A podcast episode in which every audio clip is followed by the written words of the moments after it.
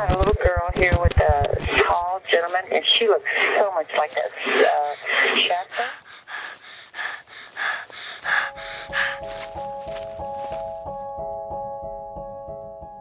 Maj 2005. En barnfamilj har precis avslutat sin barbecuefest. De går och lägger sig, precis som vanligt. Men saker och ting kommer aldrig bli som förr. Någon vakar över dem och har gjort det under en längre tid.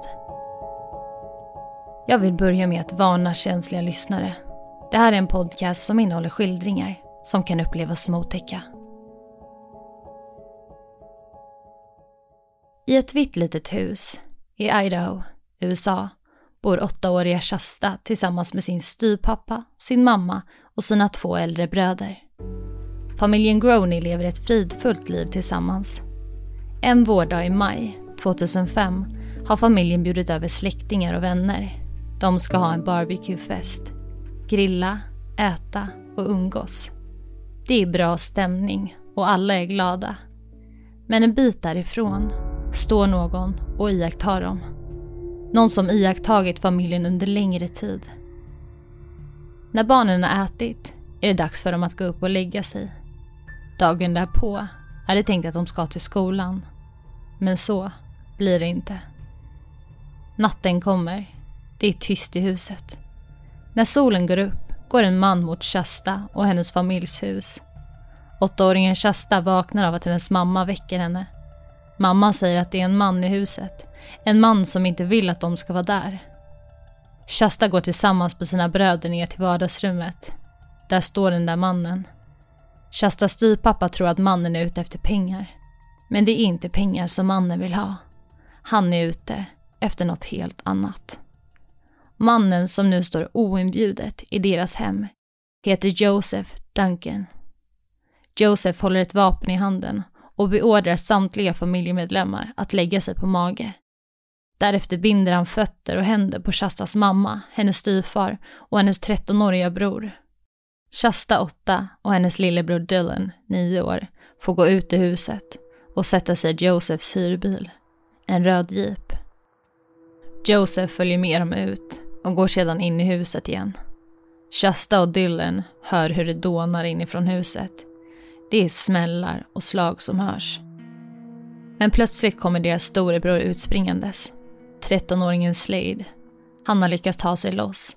Men Joseph är bakom honom och går till attack.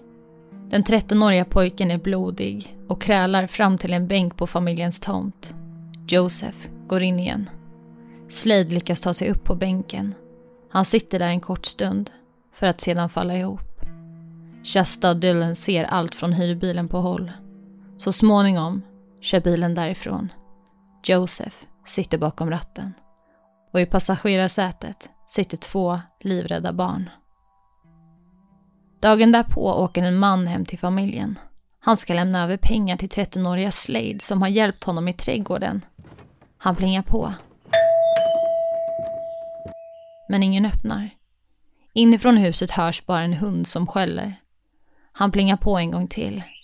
Han tycker det är märkligt. Han hade ju berättat att han skulle dyka upp med pengarna just denna måndagsmorgon. Men ändå var ingen där. I hans hand håller han i några dollar. Den lönen som han ska betala den 13-åriga pojken. Han kikar in i huset och ser då blod. När han tittar närmre ser han också blod vid husets entrédörr. Mannen ringer polisen och polisen kommer snabbt till platsen. Man finner tre döda kroppar inne i huset. Det är Shastas mamma, hennes styvfar och hennes storebror. Alla ihjälslagna till döds. Men frågan är då, vad är de två andra barnen i familjen? Lever de? Eller är de döda, liksom sina familjemedlemmar? Ja, jag har ju nämnt för er att mannen som alltså utför det här dådet är Joseph Duncan. Han är 42 år gammal och känd av polisen sedan tidigare. Han har bland annat blivit dömd år 1980 för sexuellt övergrepp på ett barn. Och innan han kommer till Shastas familj så har han flytt från polisen då han blivit anklagad för att ha utnyttjat ännu ett barn. Det finns fler domar, men det här är i alla fall lite i Josephs kategori kan man säga. Och vid den här tidpunkten så vet man inte riktigt allt han gjort. Men sanningen kommer slutligen fram. Vi går vidare. Polisen letar febrilt. Var är barnen? Man går ut med bilder på Shasta och hennes bror Dylan i hopp om att någon har sett dem. Samtidigt som polisen gör allt i sin makt flyr Joseph med de två barnen i sin bil. Han kör cirka 160 kilometer ifrån brottsplatsen. Shasta är rädd och vet inte vad som kommer hända. Hon vet heller inte om hennes familjemedlemmar lever. Joseph stannar vid en övergiven campingplats, mitt ute i ingenstans. Där ska de nu bo tillsammans. Bara de, ingen annan. När barnen ska gå på toa följer Joseph efter och tittar på dem. Dagarna går. Joseph våldtar både Shasta och Dylan. Han utnyttjar dem sexuellt dag efter dag. Han slår dem ibland och hotar dem. En dag visar Joseph upp en hammare. Han frågar barnen. Ser ni den här hammaren? Barnen nickar. Joseph fortsätter. Det var den här hammaren som jag mördade era mamma med. Eran styvpappa och eran bror. Shasta gråter. Hon förstår att den här mannen som står framför henne verkligen är farlig. Det går upp för henne först nu hur farlig han faktiskt är. En annan dag står Joseph tillsammans med barnen mitt i skogen.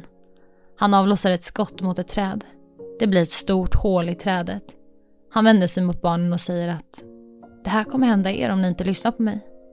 Han säger att han kommer döda dem också om de inte gör som han säger. Men den åttaåriga Shasta är smart. Hon kommer på en plan. Joseph börjar bli allt mer aggressiv mot hennes bror och hon måste skydda honom. Hon inser att hon måste prata med Joseph som att han vore en kompis. Fråga honom om hans familj. Om hon och Dylan kanske kan få träffa hans fru någon gång. Shasta upplever att Joseph blir snällare när hon pratar med honom på ett annat sätt. Men han är fortfarande en mördare, en våldtäktsman och en pedofil. I den röda hyrbilen våldtar Joseph Dylan och Shasta gång på gång. Om barnen inte visar intresse för honom, om de inte är delaktiga i akten, så blir han arg. De måste låtsas att de gillar honom, gillar det som han gör mot dem. Polisen arbetar hårt, men får inte fram något som kan leda dem till barnen. Det har snart gått sju veckor och inget nytt.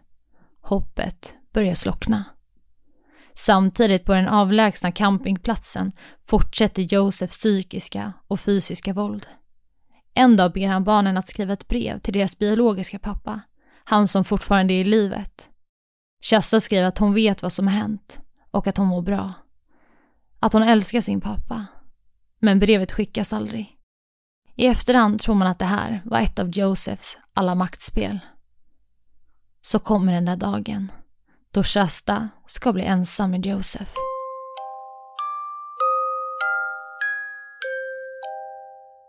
Shasta står bredvid den röda jeepen. Den där jeepen som hon så många gånger har blivit våldtagen i. På andra sidan jeepen står Dylan och Joseph. Helt plötsligt hör Shasta ett skott som avlossas från Josephs pistol. Hon springer över till andra sidan och ser sin bror liggandes på marken, skrikandes. Joseph hade letat efter öl i en plastbox och berättar nu för Shasta att skottet bara råkat avfyras och träffat hennes bror. Dylan ber för sitt liv. Joseph går fram till honom, sätter pistolen vid hans huvud och avlossar. Inget skott. Joseph reser sig upp, laddar om vapnet och riktar återigen pistolen mot pojkens huvud. Han avlossar. Den nioåriga Dylan faller ner mot sin död. Joseph säger att han sköt det sista skottet för att Dylan inte skulle behöva lida. Shasta kan inte säga något. Hon pratar inte på flera dagar. Det är bara hon och Joseph kvar nu.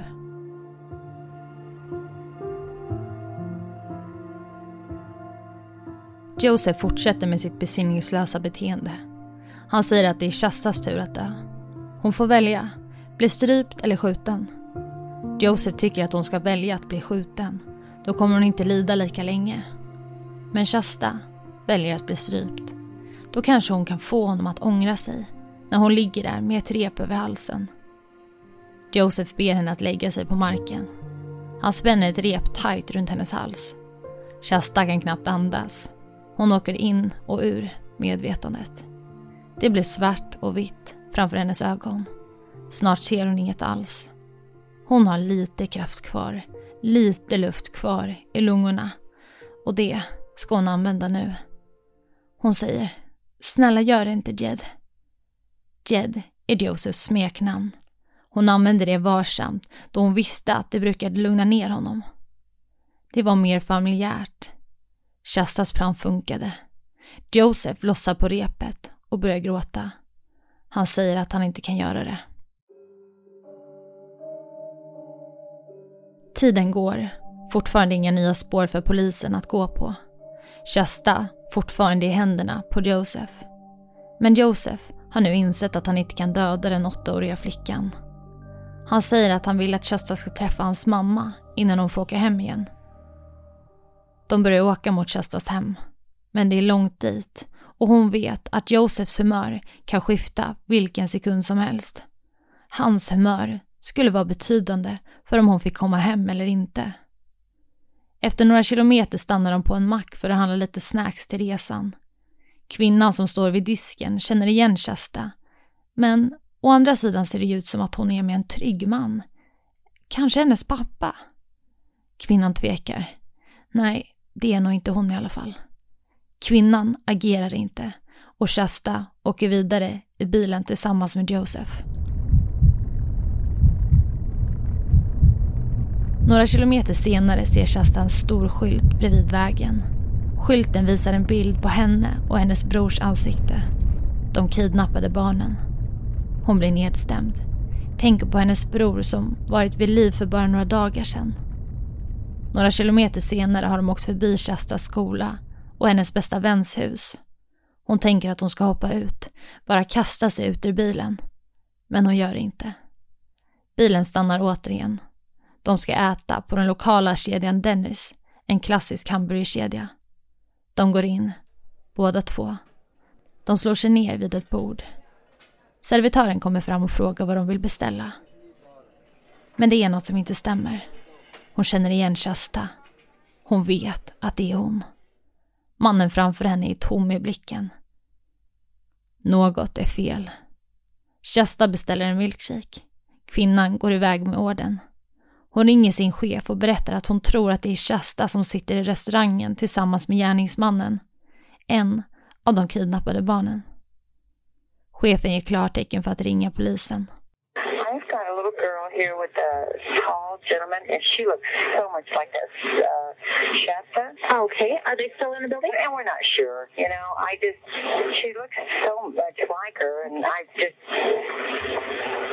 I don't know. All right. We'll have someone start that way.